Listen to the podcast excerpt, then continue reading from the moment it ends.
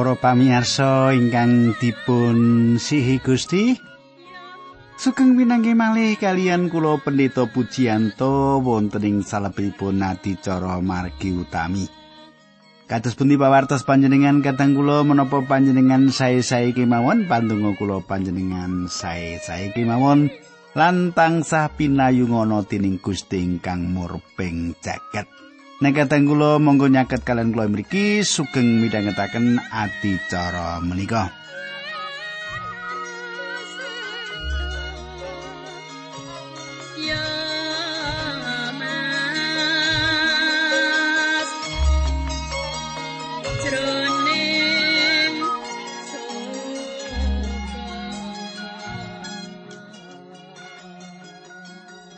Para pamirsa menapa panjenengan tasih kemutan menapa ingkang kula aturaken duk nalika pepanggihan kepengker? Kula badhe ngaturaken sekedhik kemawon supados panjenengan tasih kemutan menapa ingkang kula aturaken duk nalika pepanggihan kepengker? Ing pepanggihan kepengker kadang kula kita sampun nyemak kados pundi Elisa nindakaken mukjizat kangge paring pitulungan dumateng rondo randhanipun nabi supados rondo menika saged nglunasi utangipun.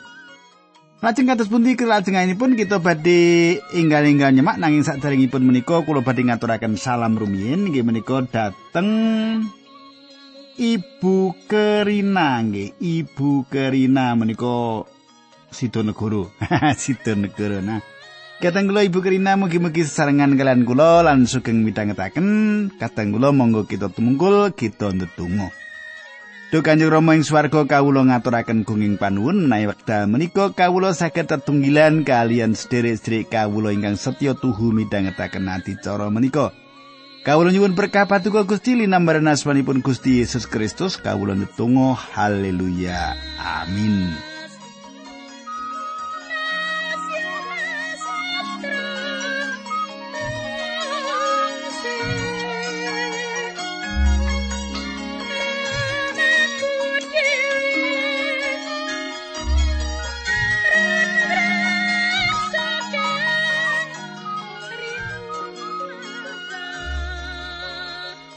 Para pamirsa ingkang kula tresnani. Samenika pasinan kita sampun lobet ing kitab Kalih Para Raja bab gangsal nggih. Kitab Kalih Para Raja bab gangsal. Kula badhe maosaken ayat setunggal makaten surasipun. Naman senopatine tentara Syria dikasih banget dening Sang Prabu merga Gusti Allah paring kemenangan marang tentara Syria lantaran Naman mau nanging nak aman kuwi gerah kusta. Para pamirsa, ayat menika nyukani gegambaran sawetawis gegayutan kalian nak aman. Piyambakipun menika senopati ini pun prajurit Aram utawi ing mriki sinebat Syria. Sinausa piyambakipun menika mboten tepang kalian Gusti Allah.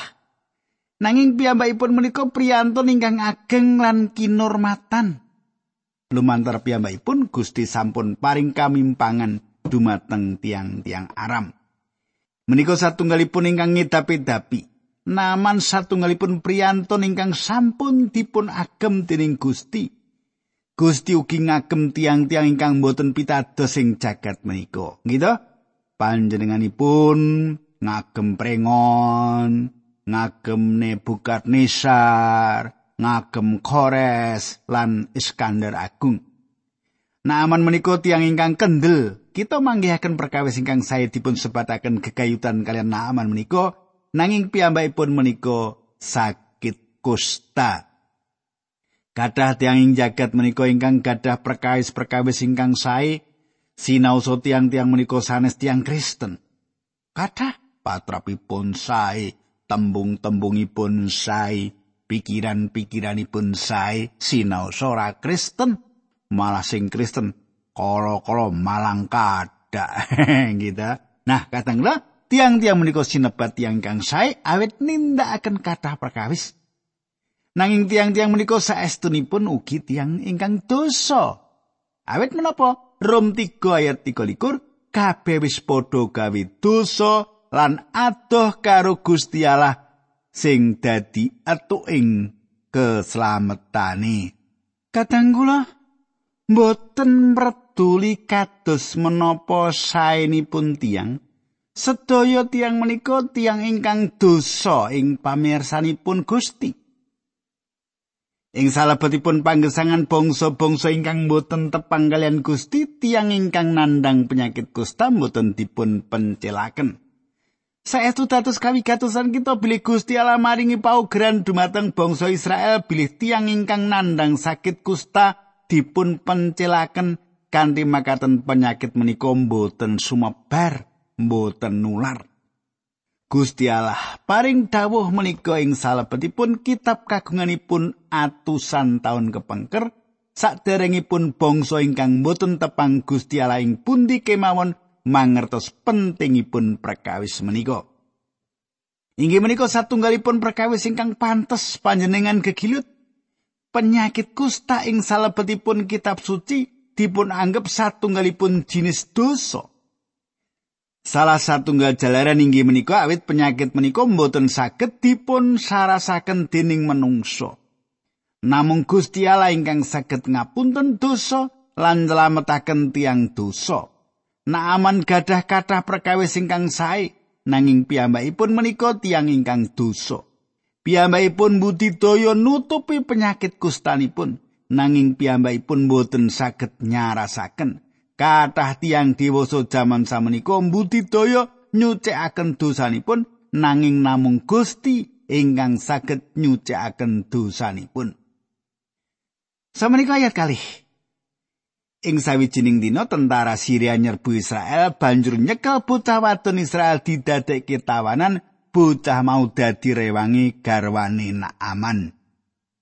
Kadang kula panjenengan katasaken lari setri menika lare Ibrani lan lare ingkang ngidap-idapi. Lare stri menika dados abdi semahipun Naaman.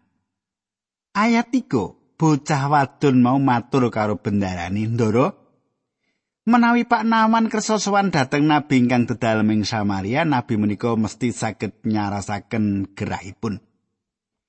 Para pamirsa, prawan Ibrani alit menika boten gadah kalenggahan supados saged nyukani perintah.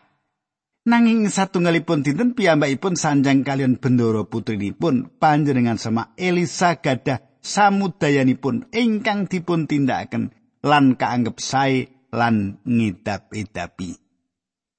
Ayat sekawan bareng krungu mengkono mau Naaman banjur sowan Sang Prabu sarta ngaturake apa sing digandhake dening bocah wadon Israel mau.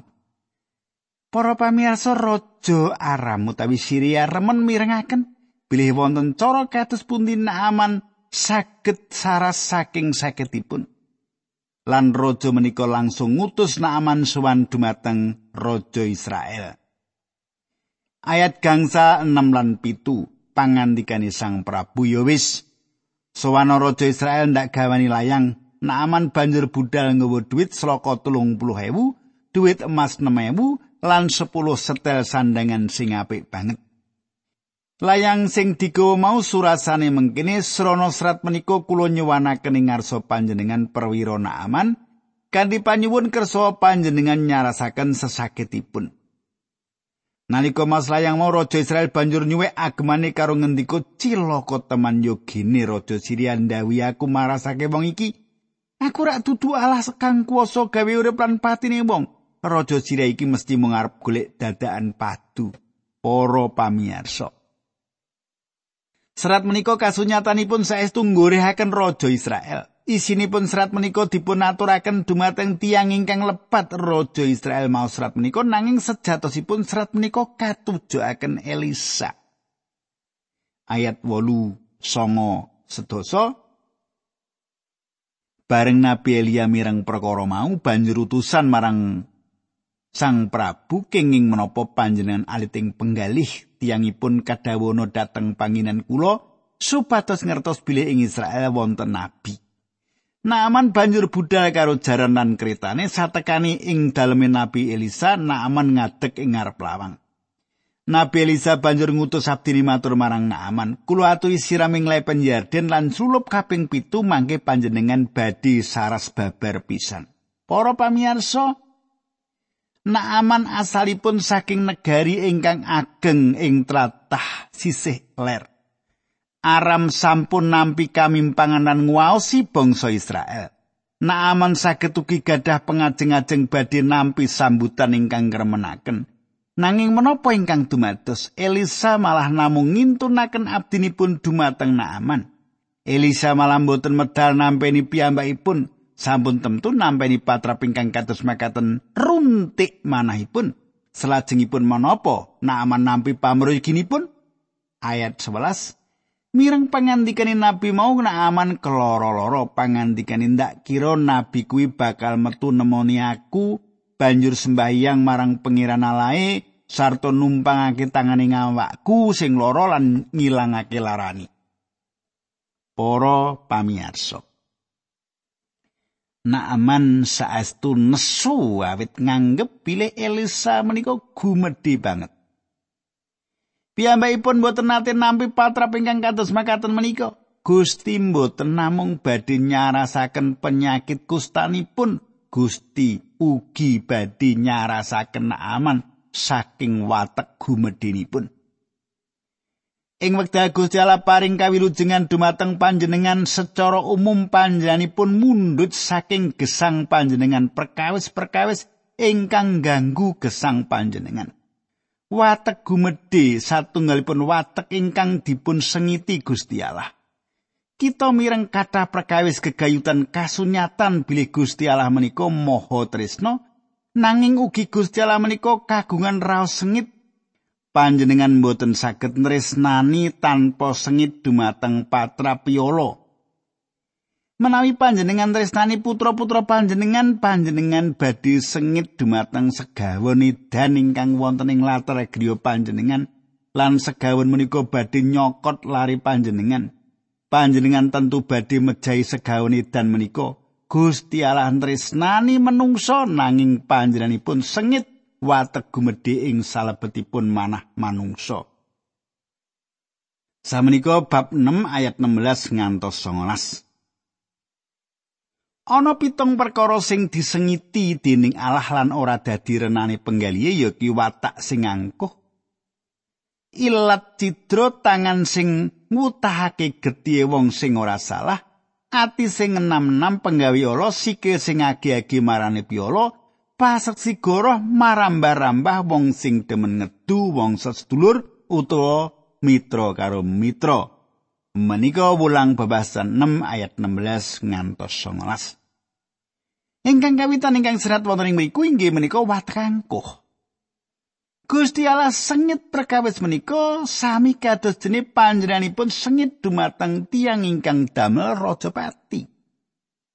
Watek gumedhe satunggalipun tondo risak ing manungsa watek gumedhi menika satunggalipun dosa ingkang ageng Kadang kula kenging menapa Gusti Allah sengit dumateng watak gumedhe menika pangertosan saking watak gumedhe inggih menika ngaji badan piyambak langkung ing taker Watak gumedhe ateges netepaken aji ingkang inggih dumateng badan piyambak netepaken aji dumateng badan piyambak.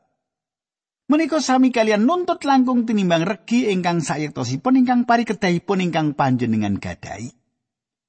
Watek gumedhe menika mbedakaken antawisipun kahananipun panjenengan ingkang sayektosipun lan regi ingkang manut panjenengan selaras kalian badan panjenengan. Kanthi watek gumedhe menika ada iblis dawah. Watek gumedhe ugi dados dosanipun itum. Watek gumedhinipun manungsa menika lelawanan kalian rancangan Gusti Allah. Mboten wonten kompromi. Rancangan kawilujengan Allah satunggalipun jawaban pungkasan kangge watek gumedhinipun manungsa. Sejatosipun manungsa menika mboten wonten najinipun ing ngarsanipun Gusti Allah. Gusti Allah mboten mendet menapa-menapa saking manungsa. menapa ingkang dipun aturaken Paulus sing wekdal piyambakipun kepanggih kalian Gusti Yesus Kristus. Ayat pitu nanging kabeh perkara sing dek biyen ndak anggap maidai mau, saiki ndak anggap mitunani mergo Sang Kristus. Filipi 3 ayat pitu. Kateng kula. Paulus nyentakaken keyakinanipun kekayutan agaminipun. Paulus ngrucat menapa ingkang waunipun dados darbeipun. Piyambakipun nganggep sedaya darbeipun menika kados dene larahan. Piyambakipun sanjang, aku ngguwak iku kabeh. Sang Kristus lan watek gumedhe mboten saged lumampah sairing. Panjenengan mboten saged dados gumedhe, sombong lan wekdal ingkang sami pitados dumateng Sang Kristus minangka Sang Juru Wilujeng panjenengan.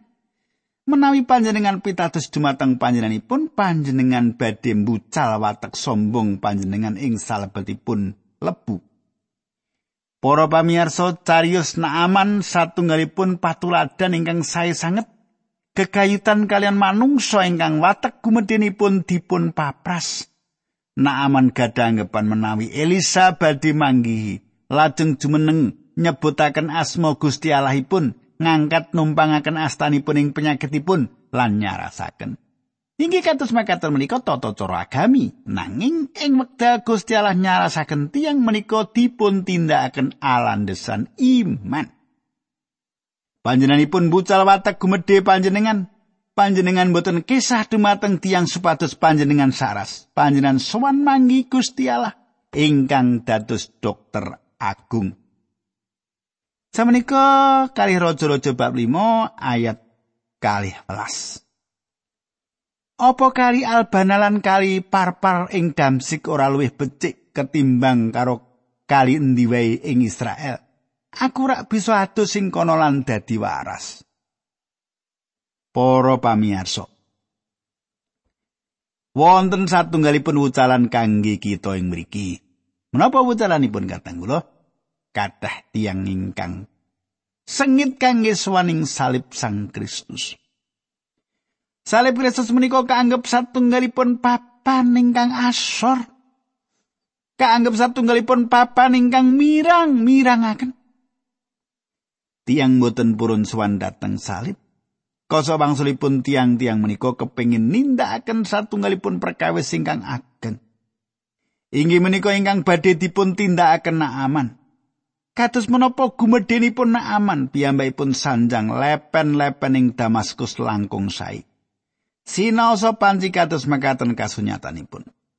Naaman rumaos risi kalandesi watek gumedhenipun lan raos mboten kurmat dumateng Sang Nabi ingkang ndawi siram ing lepen Yordan. Nanging inggih menika ingkang kedah dipun tindakaken. Para pamirsa. Panjenengan kedah sowan ing salib Sang Kristus. Panjenengan boten sowan dumateng Gusti Yesus lan jumeneng ing ngarsanipun panjenenganipun minangka tiang ingkang sombong utawi gumedhi. Panjenengan boten saged sanjang bilit panjenengan gadah satunggalipun cepengan ing wekdal panjenengan sowan panjenenganipun. Ingkang panjenengan tindakaken inggih menika nampi pakaryanipun ing kajeng salib. Menika kemawon. panjenengan sowan Gusti Yesus karo nebah dodo oh, iki lho aku pujianto Gusti aku nyembah paduka. Ora dikeparengake gitu niku ora gumedhe sapa pujiwi kone kone ka. Iki ngaten iki.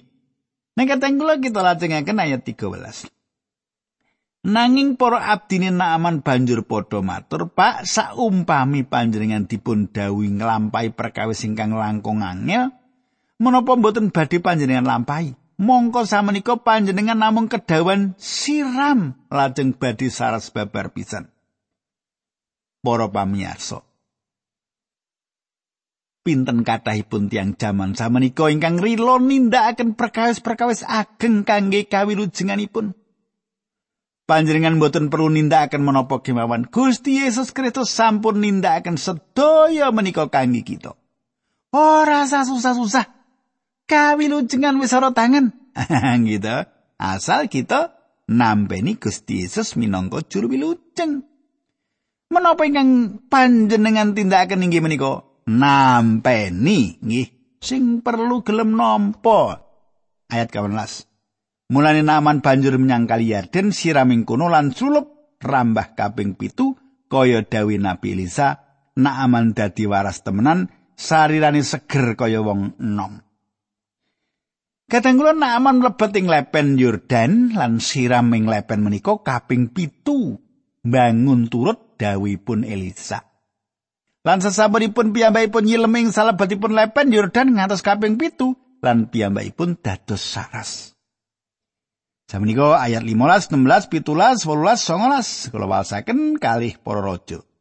Naaman karo pengiringi banjur tindak menyang daleme Nabi Elisa aturi, "Samenika kula mangertos bilih ing sak alam donya menika namung wonten alas tunggal Inggih menika Allah ingkang dipun sembah tiang Israel pramila Bapak kersawa nampi pisungsung kula menika. Wangsulan Nabi Elisa atas asmani Allah ingkang gesang ingkang kula ladosi kula mboten badhe nampani pisungsung menapa kemawon. Senajan Naaman maksa-maksa ewa semana Nabi Elisa tetep ora kersa nampeni pisungsungi.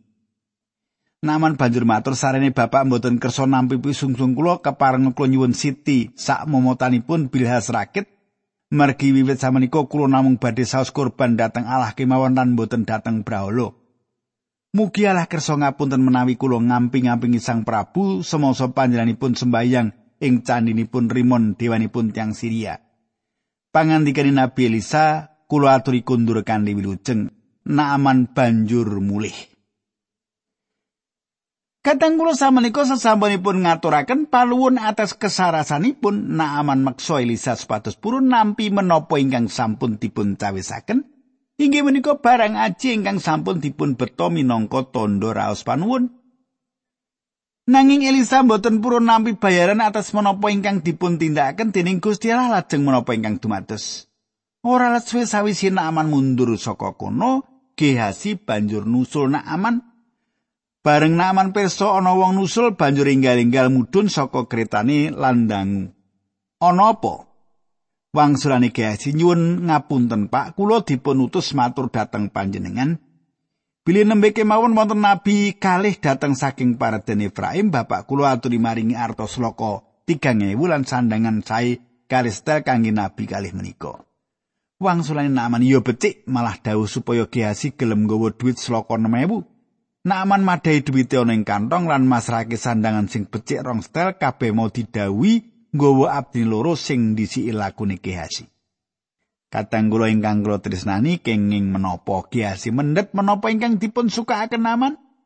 Inggih menika watek rakus katang kula rakus.